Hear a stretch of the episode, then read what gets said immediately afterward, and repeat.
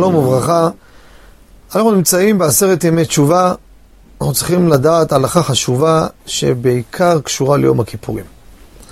אמרו רבותינו, אין יום הכיפורים מכפר על עבירות של בן אדם לחברו, עד שירצה את חברו.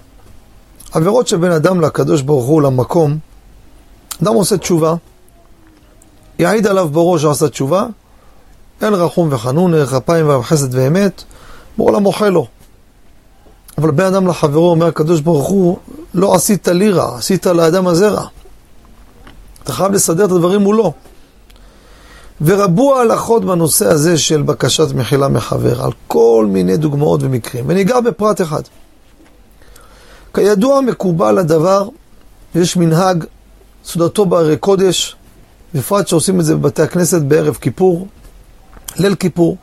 כל הציבור אומרים, מחילה, מחילה, מחילה, מחלנו, מחלנו, מחלנו. ויש אנשים בימים האלו, פונים לחברים, במקום הלימודים, במקום העבודה, מוחל, מוחל, אומר לו מוחל, משהו כללי כזה, סוגר אותו ברגע. האם הדבר הזה מועיל או לא? אמרו רבותינו הפוסקים, צריך לדעת שבקשת מחילה כללית מועילה רק על דברים קלים.